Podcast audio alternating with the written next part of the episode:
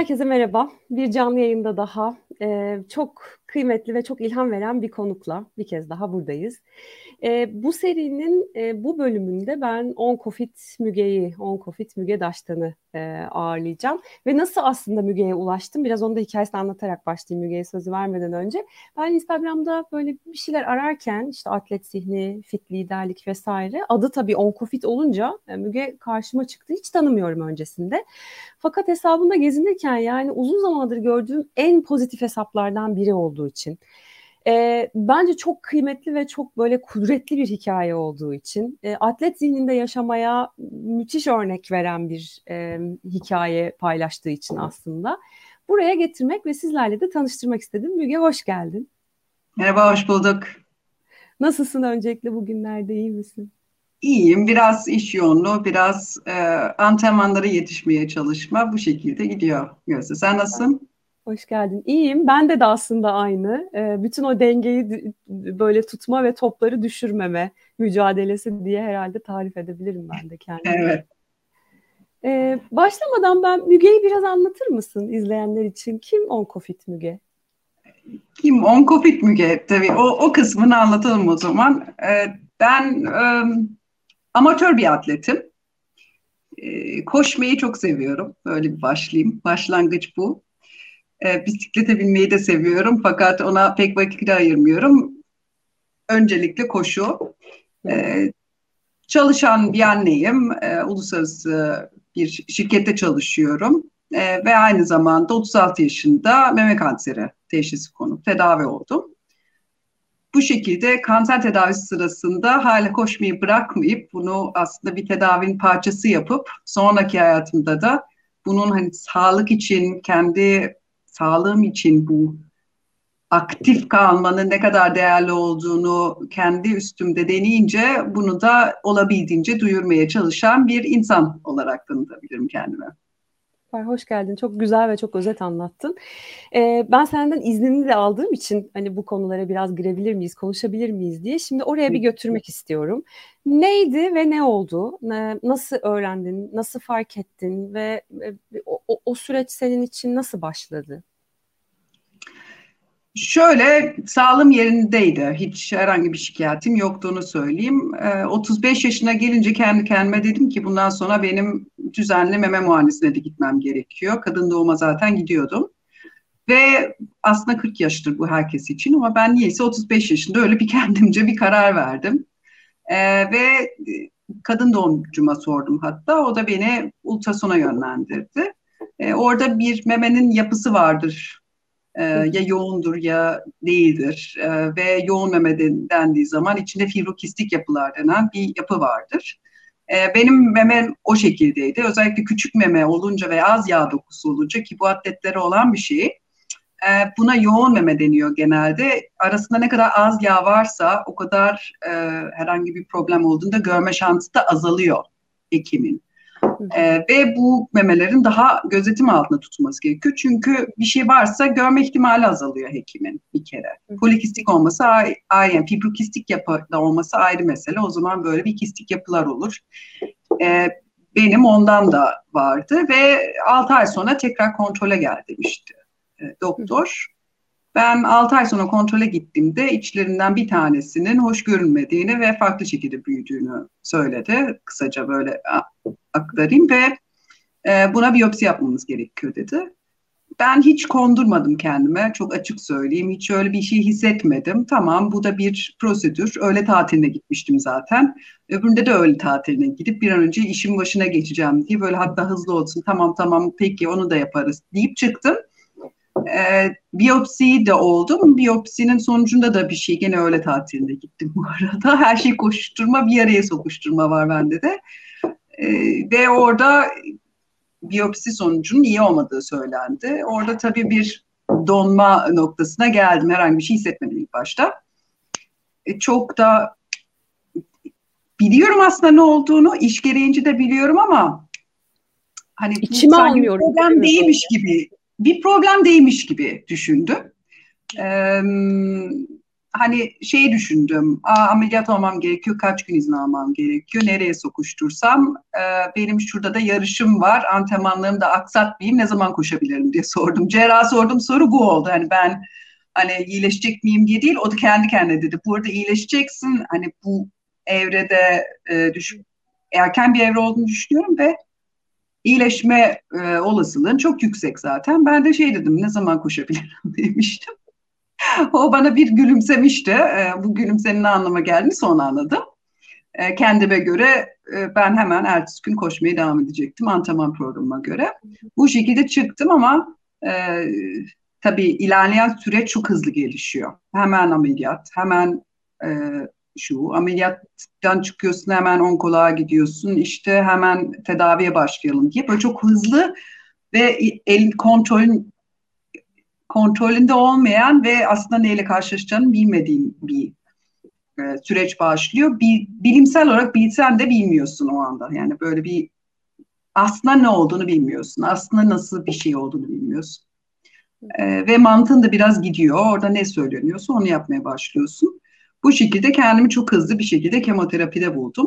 Çünkü ameliyatta ve biyopside koltuk altına bir sıçrama olmadığı ne düşünmüştü herkes. Fakat ayrıntılı biyopsi sonucu gelince ameliyat materyalinden e, yine de ufak da olsa mikrometastaz dediği daha kitle oluşmamış ama aslında e, daha küçük bir oranda e, kanser hücrelerinin koltuk altı lenf e, düğümlerine gittiği fark edildi. Tabii o zaman işin rengi tamamen değişti ve e, işte tam bir kemoterapi, son ardından tam bir radyoterapi diye e, toplam bir 9 ayımı alan bir tedavi süreci başladı.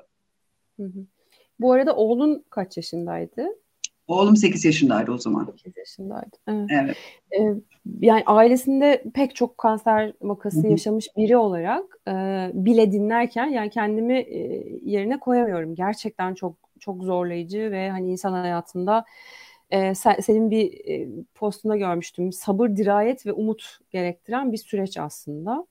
E, sen Hı. eski diyeceğim yani bundan önceki. Müge'ye baktığında bir de bunu yaşamış Müge'ye baktığında ne değişti Müge yaşamında ya da bakış açında? Çünkü yani yaşamsal değil mi travmatik deneyimler insanları evet. değiştirir, dönüştürür.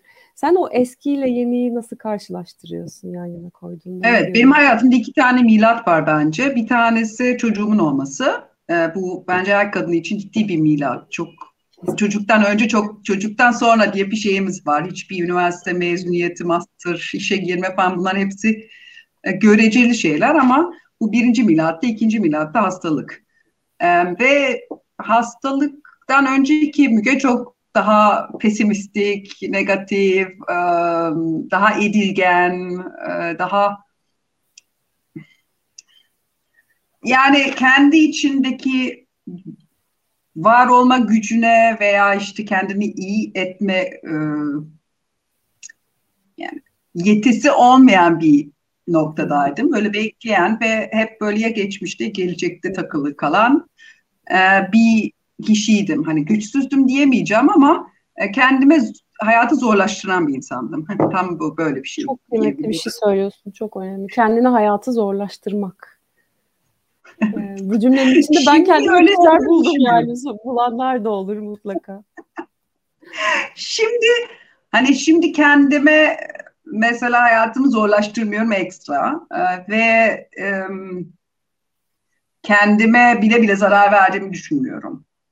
E, en önemli değişiklik bu. Bir de e, aslında her şartta çok kötü şeyler yaşasak da ben her şeyin güzel olduğunu ve kolay olduğunu düşünmüyorum.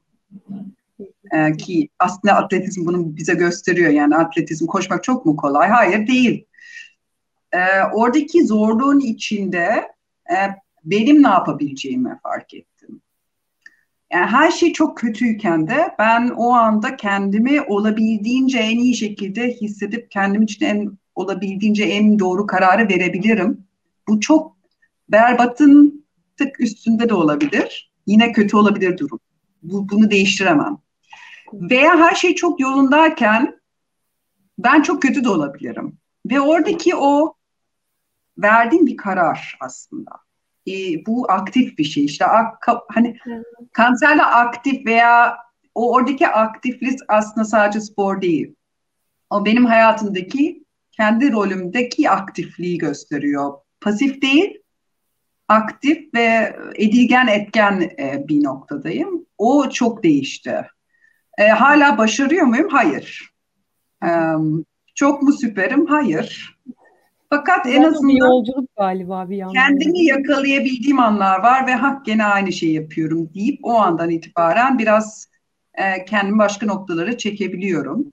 Veya kötü durumlarla nispeten daha iyi e, baş edebilme ihtimalini arttırıyorum diyeyim. Çünkü gerçekten kolay değil e, yaşadıklarımız. Evet. evet. Ee, aslında anlattığın şey e, vardı. Viktor Frankl'ın insanı anlama e, yani insanın anlam arayış kitabında da evet. çok benzer bir şey söyler. Yani başına zor bir şey geldiğinde aslında bundan anlam çıkartabilmek e, yapabileceğimiz tek şey. Yine senin bir paylaşımında bir cümle var. Onu böyle buraya getireceğim. Tam sen bunu söylemişken olup bitenleri değiştiremesek de vereceğimiz tepkiyi daima biz belirleriz. Bu o kadar kuvvetli bir şey ki çünkü dünyada olan bitenlere karşı ya da benim kişisel dünyamda başıma gelenlere karşı e, bir seçim özgürlüğüm var. Evet.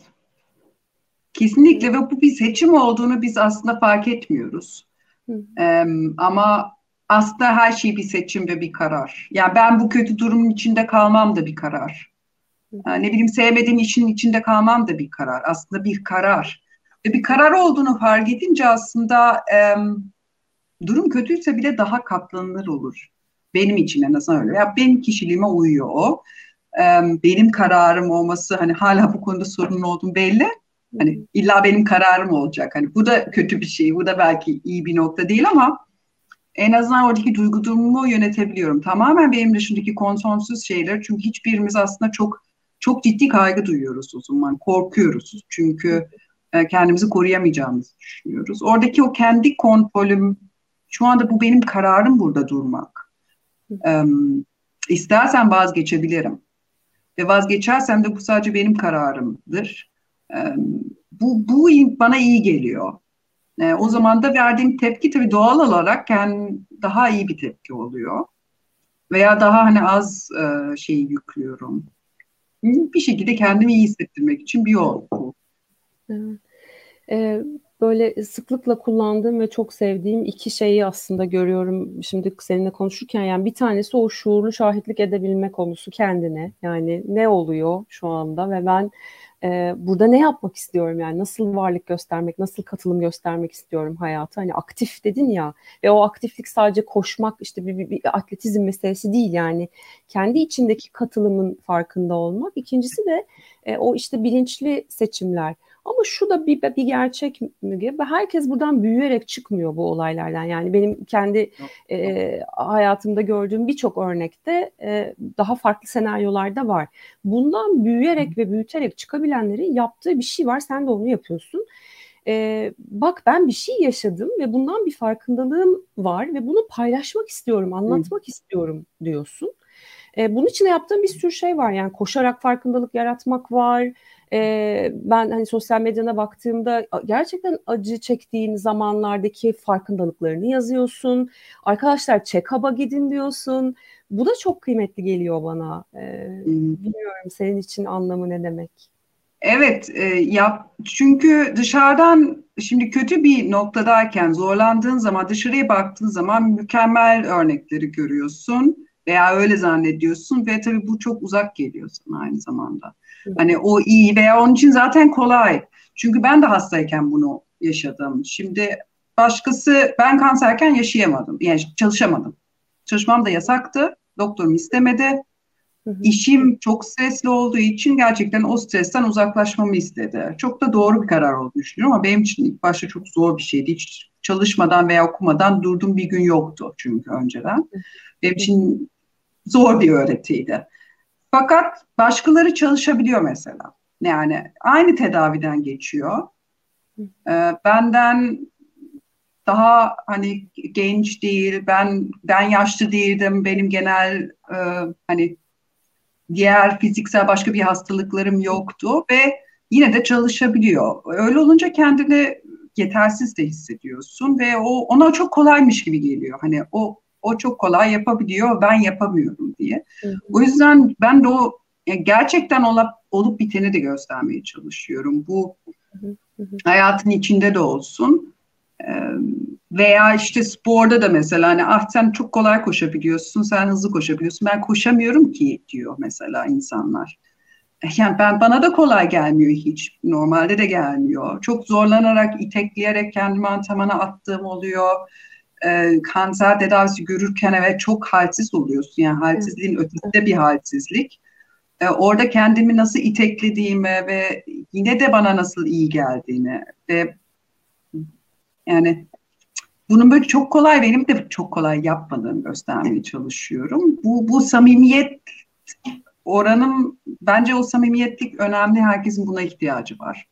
Çünkü öteki türlü yaklaşamıyoruz ona. Ee, ve birçok bu, bunu yani daha öncesinden spor yapmayı denememiş bir insana birden böyle bir ağır tedavi yaparken hadi çık spor yap demek de çok bana doğru şey gelmiyor. Çok yapılabilir gibi gelmiyor. Ee, çünkü ne olursa olsun normaldeki hayatımızdan daha zor bir süreç. Fiziksel olarak da ruhsal olarak da. E, bunu göstermeye çalışıyorum. Yani dolayısıyla ben bütün işte kaygılarımı da gösteriyorum. Mutsuz, birden mutsuz olduğumu da gösteriyorum. Sonra ondan nasıl çıktığımı da göstermeye çalışıyorum. Ne yaşıyorsam onu gösteriyorum aslında. Nasıl ben şu an makyajsızım. Benim Instagram'ımda hani yansıttığım yaşam da gerçekten bu şekilde e, makyajsız bir hayat. Evet. E, o yüzden gerçek bir hayat. Yaşanan gerçek bir hayat. Ne iyi ne kötü neyse o. Kesinlikle. Çok kıymetli. Zaten bağ kurduğumuz hikayeler de öyle hikayeler galiba. Ee, koşmaya sen çok ya baban koşuyordu Hı-hı. biliyorum. Ee. Çocukluğunda mı başladın? Ve niye devam ettin? Evet, eş, babam koşuyordu. Ee, hani böyle işte işten sonra. Başka bir herhangi bir şey değil, kendi kendine. Ee, ve e, beni zaman zaman yanına aldı. Şimdi, tabii hatıraların insanın biraz göreceli oluyor. Ne kadar aldı, kaç kere aldı, gerçekten ne kadar koştum orada bilmiyorum yani. Çünkü hatırladığım bir şeydi o babamla ilgili. E, ve sonra ben kendi hayatımda böyle üniversitede veya üniversiteden sonra hep böyle dönem dönem aslında koşarken yakaladım. Şimdi dönüp baktığımda en çok yaptığım şey tekrar tekrar özellikle kötü hissettiğimde koşmak.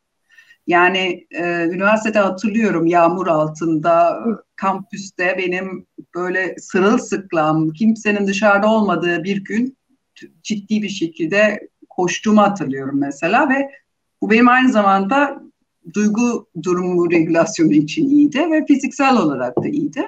E, onun dışında başka sporlar da yaptım ama kalıcı olan koşu oldu. O yüzden herkes aslında ben trambolinde yaptım, jimnastiğe de gittim. Çok korkunçum jimnastikte bu arada. Yani son derece yeteneksiz. Ee, işte basketbolda oynadım, futbolda oynadım. Yani yaptığım bir sürü spor var ama e, demek ki benim kişiliğime en çok uyan buymuş. Ki bu kalmış. Yani karakterime bu oturmuş zamanla. Ee, bu şekilde. O yüzden gittikçe artan bir koşu tempom vardı ve kendimi çok iyi hissettiğim, daha da çok, daha da çok yapmak istediğim. Belli bir noktadan sonra da tesadüfen yarışlara katıldığım bir aktivite oldu. O ayrı bir zevk oldu. Ondan sonra da böyle böyle gitti. Evet, evet. Ee, aslında bu yani şunu da hatırlatıyor bize. Böyle bazen bir şeyler popüler oluyor. Mesela koşmak işte son belki 4-5 sene içerisinde değil mi? Eskiden ben hatırlıyorum yani bir koşmaya çıktığımızda e, ben bile yeni sayılırım yani bu spor içerisinde. Çok az insan vardı. Şimdi bir, bir sürü insan bir yani global evet. sağlık trendi olarak da e, işte koşuyor, ne bileyim, bir takım sporlar yapıyor vesaire. Böyle dışarıdan çok popüler dur ben gideyim değil. İçinde kendine dair bir şey bulman lazım. Ben koşmayan evet. arkadaşlarıma anlatamıyorum diyor ki yani nasıl iyi geliyor olabilir ya? O çok anlatılabilecek bir e, duygu değil. Çünkü iyi geliyor yani bir hormon sistem yani hormonlarımı değiştiriyorum e, koştuğumda. E, ikincisi içinde bir anlam buluyoruz belki de yani. Ben kötü zamanlarımda koştuğumda geride bırakma duygusunu yaşıyorum. Seni hmm. bilmiyorum. Bana öyle gibi geliyor. Böyle... Geride bırakma evet. Ben mesela en Zihnim boşalıyor belli bir noktadan sonra. Bütün enerjiyi tüketiyorum. Bu kötü enerji de oluyor.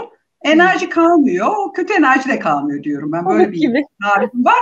Sonra kendime ne enerji yüklüyorsa zaten orada mutluluk hormonları var vesaire falan filan.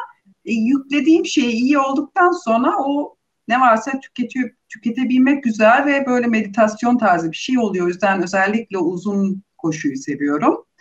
Ee, gerçekten kafamı boşaltabildiğim ve durdurabildiğim e, çok çok daha kolay durdurabildiğim bir şey. Yoga yapmaya başladım sonra e, ama koşu koşu kadar kolay olmuyor mesela. Benim için koşu daha kolay bir meditasyon yöntemi. Evet. O bak şimdi çok güzel bir şey söyledin aslında. Koşu bir meditasyon. Mesela hep böyle koşmak, hareket halinde olmak deyince öyle insanların akıllarına çok yani hareketle aktif ve hani orada bir kendine bakış yokmuş gibi geliyor. Ee, hep adrenalin varmış gibi yani evet var ee, ama bir yandan da bizim için de meditasyon ben de seninle çok benzer bir deneyimi yaşıyorum yani kiminin matın üstünde durarak öğrendiğini e, kimi koşarken fark ediyor o yüzden herkesin kendine iyi geleni başka. Ama yani şunu da bir söyleyeceğim Müge. Radyoterapi görürken 21 kilometre koşmak nedir? Ya o tabii biraz delice bir şeydi. Şöyle ya benim tek derdim yani bu sanırım benim e, baş etme mekanizmamdı. Yani koşabiliyorsam iyi. Dolayısıyla benim taktığım her şeyi ameliyatta vesairede doktorlara tek bir sorun var. Ben koşabilir miyim? Ne zaman koşabilirim? Ne kadar koşabilirim? Şimdi bu başkası için başka bir şey olabilir ama fiziksel aktivite e, bir hastalığın varsa çok somut bir şey. Yani zevk aldığımız başka şeyler de yapmak işte ne bileyim ben örgü örmeyi seviyorum veya e, ne bileyim yemek yapmayı seviyorum. Ben hiç sevmiyorum yemek yapmayı. ama bu da iyi geliyor, evet. Ama fiziksel aktivitenin başka bir şeyi var. Vücuda ben iyiyim diye gerçekten somut kendi kendine ikna etmesi. Yani spor yapabilen aktif bir vücut tümden hasta değildir. O yüzden aslında orada ciddi bir şekilde vücut kendi kendine evet ben iyiyim diyebildiği çok iyi bir andır. Sporun böyle bir farkı var. Sadece sevdiğin aktivite değildir. Bir de bir sürü o hormonlar var e, salgılanan, bağışıklık sistemi kuvvetlenmesi var. Yan etkileri atmak için terleme var vesaire. Bu bütün bunların hani sevdiğin aktivitenin ötesinde fiziksel gerçekten bir yanı var. Ve tabii benim için o yüzden o hafta ne kadar koşabildiğim çok önemliydi. Yani ben yazıyordum yani gerçekten yani Garmin bir yer bir yerde track ediyor ve ben onlara dönüp dönüp bakıyordum. Aynı zamanda da yazıyordum. Yani var benim defterlerim o dönemde. Benim ne kadar koştum, ne kadar sürede koştum vesaire yazıyor orada. Yani aldığım ilaç ve yan etkilerin yanında bir de ne koştuğum yazıyor. Çünkü bir de hani bir takım egzersizler de yapıyordum evde. O böyle ne kadar yapabildiğim benim için ne kadar iyi olduğum anlamına geliyor. Dolayısıyla bunu ne kadar arttırabiliyorsam o kadar iyiydi. Kendimi tüketmeyecek şekilde. Yani aslında şöyle yaptım. Bunu herkes soruyor. Ne kadar spor yaptın? Ne kadar spor yapmak doğru? E, benim temelde şimdi kemoterapi, radyoterapi vesaire tedavi, ciddi bir tedavi alırken vücuda ekstra bir yük bindirmek istemiyoruz. Yani koşmak, o anda spor yapmak demek böyle tüketmek tabii, değil. Tabii, tabii, tabii. E, dolayısıyla şiddetini ve miktarını azalttım. Yarı yarıya. Yani atıyorum ben haftada 50 kilometre koşuyorsam, attım şimdi 25 kilometre gibi düşün. Hı hı. 10 saat koşuyorsam 5 saat. Yani miktarını ve süresini yarıya indirdim. E, baktım bayağı ilk kemoterapiden sonra ben koşmuşum yani o hafta iki kere. Ama ne kadar? İşte koş yürü koş yaptım. Sonra o yürümeyi gittikçe azaltıp en son böyle 5 kilometre ben kemoterapinin gerçekten o haftasında koşabiliyordum. Ama ben önden zaten her gün 10 kilometre koştuğum için 5 kilometre koşuyorum. Tabii tabii. tabii. Yani bunun çok artısı var. Yani vücudun alabildiği bir yük var. Benim için 5 kilometre normale göre çok azdı. Hı hı. Ama kemo yani kemoterapi bittikten sonra vücut tabii e, yavaşça toparlanmaya başlıyor ve meme kanserinde radyoterapiyi dışa alıyorsun. Ee, başka kanserlerde vücudun içine aldığında veya işte beyinde kitle var oraya aldığında bu bambaşka bir konu radyoterapi. Ama meme kanserinde radyoterapi yüzeysel. Orada dikkat edeceğin şey yanık e, yanık içi de dikkat etmek gerekiyor. Terleme ve nemli kalma ile ilgili onu O hikayenin sonu çok güzel bitmiyor bu arada. o yazın içinde o var aslında.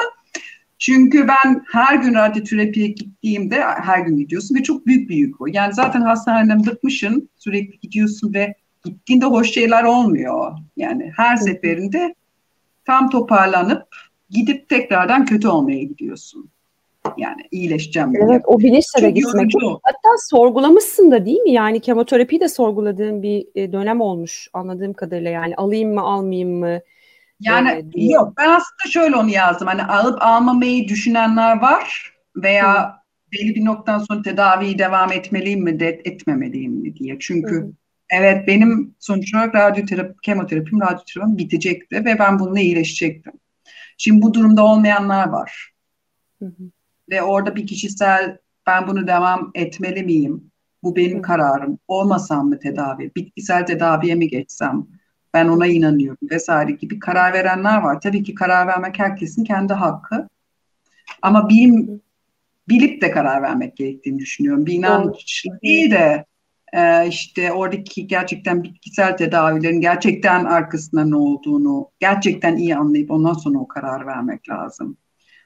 E, bilmeyince o kararı bil, bilmeden karar vermek doğru bir karar genelde olmuyor.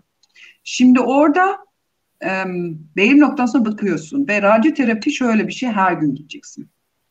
Ben radyoterapiye başlamadan önce inanılmaz dedim ki ben bunu nasıl yapacağım? Çünkü ne kadar sürdü her toplam? Radyoterapi 35 35 gün dolayısıyla bir buçuk ay ediyor. Hafta içi her gün gidiyorsun. Bir buçuk ay boyunca her gün hastaneye git gel git gel. Yani bu zaten üstünde 6 aydır zaten bu kemoterapiyi yaşıyorsun. Üstüne ondan sonra bunu yapıyorsun. Bu artık hani böyle artık sonunun sonu ama Yeter. evet çok zor bir şey ve mesela yol sorun yani ben araba kullanıyorum ama hastayken araba kullanamadım. Beni götürüp getirecek kimse yoktu. Toplu taşımaya bindim. E, radyoterapide Tekirdağ'dan İstanbul'a her gün gidip gelen vardı. Yani bunlar böyle çok e, kolay şeyler değil. E, bütün her şeyini ona veriyorsun. Belki ailedeki birkaç kişi buna her şeyini veriyor. Sürdürmesi gerçekten zor ve ağır, e, yorucu süreçler. Yani hastalığın korkutucu ve belirsiz tarafı var. Bir de üstüne o fiziksel e, zorlukları var. Bir de üstüne o yoruculuk var ve uzunluk var. Gerçekten e, hiç kolay değil yani. Şimdi böyle gülü, gülüme bakma. Hani içindeyken gerçekten gülüyorsun. Her zaman ağlıyorsun. Um, radyoterapiden bir de ben korkuyordum biraz. Şimdi ilk defa söylüyorum burada belki bunu. Ee, yani benim çocukluğumda Çernobil olmuştu. Ee, işte ben kaç yaşındaydım? 6-7 yaşındaydım. Ve benim kafamda radyasyon o çok korkutucu bir şey. Dolayısıyla radyasyon almak benim için inanılmaz korkutucu bir şeydi aslında. Kemoterapiden daha korkutucuydu o. Yani çocukluktan kalma bir his. Eyvah radyasyon alacağım diye. Bu da vardı aslında. Yani ilk radyasyon alana kadar ben çok stresliydim. Hı hı. Sonra şunu yaptım. Her radyoterapiye gittiğimde ben aslında koşuya gidiyordum. Üstümde koşu kıyafetleri vardı. Ben radyoterapiye uğruyordum. Yani benim kafamda nerede koşacağım ben bugün vardı. Çünkü kendimde iyi hissediyordum. Artık arabada kullanabiliyordum. Bu benim için inanılmaz bir güç kazanımıydı tabii ki. Özgürlük. E, kimseye bağımlı değilim. Bağlı değilim. Bu da çünkü zor bir şey. Ve ben bugün Belgrad'a gideyim koşayım. Bugün sahile ineyim koşayım diye benim kafamda hep bunlar vardı. Bu çok iyi geldi. Çünkü aslında olaya bypass ediyordum ben orada. ya aslında bir sonraki şey gibi bu kötü bir yemek var da sonrasındaki tatlıyı düşünüyorsun hmm. gibi. Hmm. Ee, ve e, dolayısıyla e, her gün her günde arttırdım ve sonunda e, evet son haftaydı 21 kilometreyi yaptım Belgat Ormanı'nda yaptım. Nasıl yani, bir his o bittiğinde? Bilmez miyim? Bilmez miyim ormanı? bittiğindeki hissini bir tarif eder misin bana yani? Ya o Onkofit nereden çok... geldi sonra onu soracağım. Bir de Onkofit'i kim kim buldu onu da soracağım sonra. Çünkü Değil? tam on, Onkofit yani 21 ha. kilometre bitirmiş ve radyoterapi alırken bitirmiş Müge'nin tarifi aslında orası yani bu, bununla aktif olmak, bununla katılmak. Ya baş, başarmak tabii kendine bunu kanıtlamak. Bu bu tamamen benim kendimi iyi hissetmek için e, yaptığım bir şeydi. Yani önüne ben yapabilir miyim bunu? Her gün ya ben bunu da yapıyorum. Ben daha da fazla koşabiliyorum. Bak daha hızlı koştum diye. Normalde de yaptığımız bir şey bu. E, ama iyileşme süreci. Çünkü sonunda da yarış için izin aldım ve yarış koştum. Bu benim için evet ben tedaviyi ben iyileştiğimin e, şeyiydi. Somutlaştırılmasıydı benim için. E, o yüzden böyle şeyler çok yani kendimiz için çok somut şey. Çünkü tedavi bittiğinde de bitmiş hissetmiyorsun. Yani orası başka bir zorluk ve herkes birden iyileştin tamam bitti herkes mutlu olsun sen de iyileşmiş hisset diyor ama öyle his, gerçekten hissetmek çok zor o anda. Hem korku içindesin hem ya bitti mi şimdi diyorsun bir yıldır ben böyle yaşıyordum diyorsun. Yani içinde ne olup bittiğini bilmiyorsun, görmüyorsun. Hani ya ya varsa şu anda diye e, ya bitmediyse tedavi. Bunlar çok böyle yumuşak konular. E, ve oradaki işte bu ben başardım, ah yarım maratonu da koştum, ah şunu da koştum falan vesaire olunca evet tamam bitti ben bunu da yapabildim. Eskiye döndüm. E aslında orada konu eskiye dönmek. Daha önce yapabildiğini tekrar yapabilmek. Benim için sanırım o yarım maraton mesafesi o yüzden büyük bir başarıydı. Evet, hala içimde var o kısmı ve aslında eskiye dönmek de değil Müge. Yani yepyeni bir Müge yaratmak. Yani bununla Evet ama mi? daha önceden yapabildiklerini tekrar Müge. yapabilir olmak. Yani orada çünkü öncesinde fiziksel olarak limitlenip yapamıyorsun. Bu herkes için geçerli değil bu arada. Yani bunu çok şimdi burada böyle konuşunca hani şunu unutmamak lazım bir organını kaybetmek, bir memeyi kaybetmek senin hayatını evet etkiliyor ama e, koşmanı etkilemiyor. Ama e, şimdi başka bir o bacağını kaybetsen, tümden bir organını kaybetsen, akciğerin hasar görse gerçekten, o zaman bunları tekrar yapamıyorsun. O zaman kendine de başka çıkış yolu çıkış yolu bulman gerekiyor. Ee, ve fiziksel olarak iyi olmak tabii çok dediğim gibi önemli e, sağlık kriteri açısından. O yüzden hani orada yapamadığın şeyi başka bir şeye dönüştürmek. Ben olsam ne yapardım? Ben o zaman herhalde yüzerdim. Mesela kendime mutlaka fiziksel bir şey bulacağım, bulup yapmayı isterdim. Evet. Çok çok kıymetli. Yani literatürün tamamı da bunu söylemiyorum. Yani duygusal iyilik hali dediğimiz şeyin başladığı ya da zihinsel iyilik hali dediğimiz şeyin başladığı yer burası yani bu bu beden. ee, bu çok kıymetli böyle yüzmek, koşmak işte illa inanılmaz büyük aktiviteler içinde olmak da değil yani. Buraya şefkat, buraya özen. Ee, işte mesela check-up'a gittim ben birkaç ay önce. O, o bile yani o hal bile yani baktırdım, ölçtürdüm. Sana iyi bakıyorum. Evet. Yani seninle birlikteyim diyebilmek e, kısmı da çok çok önemli. E, ve hatırlıyoruz da yani yavaş yavaş artık orayı ve özümüzü, oranın nerenin esas olduğunu galiba minik minik hatırlıyoruz. Sen koçluk da aldın galiba bu süreçte. ee, ben psikoterapi, e, ben koçluk almadım. Ben sonra koçluk eğitimi aldım. Hiçbir zaman kendim koçluk almamıştım. O yüzden hatta hiç koçluk almayan ve koçluk eğitimde oturan birisiydim. Ee, ama psikoterapi yani psikiyatrik tedavi e, destek aldım. Evet. Hı hı. Ee, Sonra senin koçluk zor. sürecine ne kattı bu? Yani nasıl bir bakış açısı kattı diye düşünüyorsun yaşadıkların? Ee, yani bir kere başarı kriterleri çok değişti. Yani başarı dediğim şey e, veya insanın işte kendisiyle aslında hani yani şunu şunu şunu düşünmemek lazım. Şimdi oradaki koşu benim tekrardan hani o koşmayı başarıp kendimi iyi hissedip illaki oradaki başarı başarı öyle bir başarı değil. Ben yapabildiğim ve bana iyi hissettirecek bir şey koyup onu başarıyorum. Ulaşamadığım bir başarı, yapamayacağım bir şeyin peşinde koşmuyorum. Hani o değil, onu değiştirdim. Çünkü ondan önce hep yetersizdim kendime göre. Hep hani onu yapsam da ben tatmin değildim, yeterince hızlı değildi veya yeterince işte başarılı değildim veya işte o mükemmel değildi, şu mükemmel değildi diye böyle imkansızı kendi kendime koyuyordum. Yani daha ulaşmadan ben bir ötesini kurmuş oluyordum ve bu her zaman beni yetersiz ve mutsuz hissettirecek şekildeydi. Aslında oradaki yani koçlukta da aslında yaptığın şey o. Yani insanın e, kendini daha doğru hedefler koyması, kendine iyi gelecek hedefler koyması, e, o o yola aslında çünkü aslında herkes oraya gelmek istiyor. Yani aslında hepimiz iyi hissetmek istiyoruz ve o hedefleri iyi hissetmek için koyuyoruz. E, ve değiştirmek istiyoruz ama ne, ne değiştirmemiz gerektiğini de bilmiyoruz veya neyi nasıl değiştireceğimizi bilmiyoruz. Çünkü hayatımız böyle geçiyor. Ee, işte yani çok erken çocukluk değil belki ama e, okul hayatı itibariyle muhtemelen herkes öyle bir şeye giriyor. Daha iyi not almak, başkalarıyla kendini karşılaştırmak vesaire. E, koçlukta tabii bunları biraz daha irdeliyorsun. Kendine de iyi geliyor. E, başkasına iyi gelmeden önce kendine iyi gelmen gerekiyor. Kesin. Evet, evet. Valla çok güzel şeyler söylüyorsun. Ben şeyi hatırladım. Cem Mumcu'nun bir lafı vardır ya aslında bütün mesele seninle sen arasında.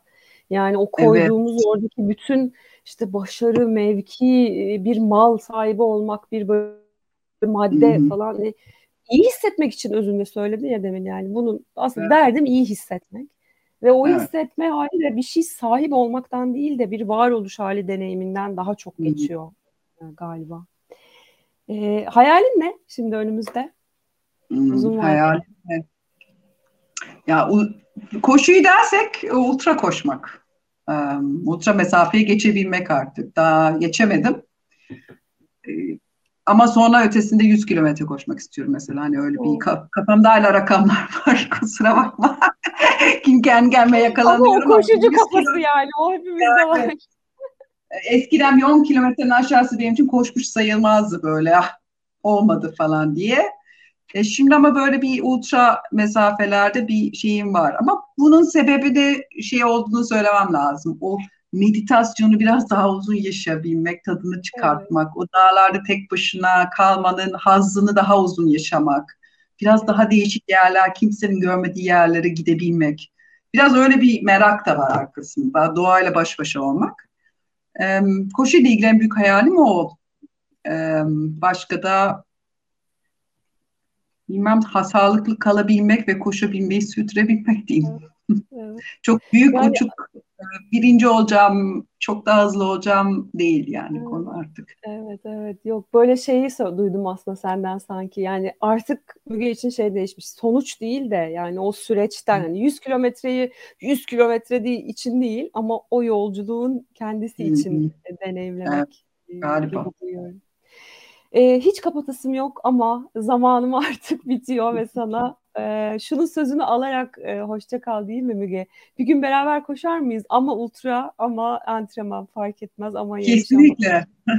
Hemen. Çok, Tamam bunu kendi aramızda organize ederiz. Ee, izleyen herkese çok teşekkür ederim. Müge benim çok ilham aldığım bir hikaye. Çok büyük de travmatik deneyimler yaşamamıza gerek yok hayatta bence e, öğrenmişliklerimizi evet. harekete geçirmek adına. Keşke ee, önceden hikayeler, anlasaydım diyorum evet, ben. Değil mi? Evet. Bu hikayeleri böyle e, olsun onun zamanıymış işte yani senin hayat evet. deneyiminde belki onu yaşaman gerekiyormuş. Evet e, bunları duydukça, bu hikayelerden ilham aldıkça bence kendi hayatlarımıza da e, sokabileceğimiz çok fazla öğreti var. Evet, sana evet. Bu, umarım sen bunu hiçbir zaman yaşamak zorunda değil. Kendi yolunu çok güzel böyle başkalarıyla çizebiliyorsundur. Herkes için aslında umudum o. Çok teşekkür ederim. Hepimiz için herkese sağlık, Müge'ye keyifli koşular diliyorum. Görüşmek üzere yeni bir yayın serisinde. Görüşmek üzere. Teşekkürler. Teşekkür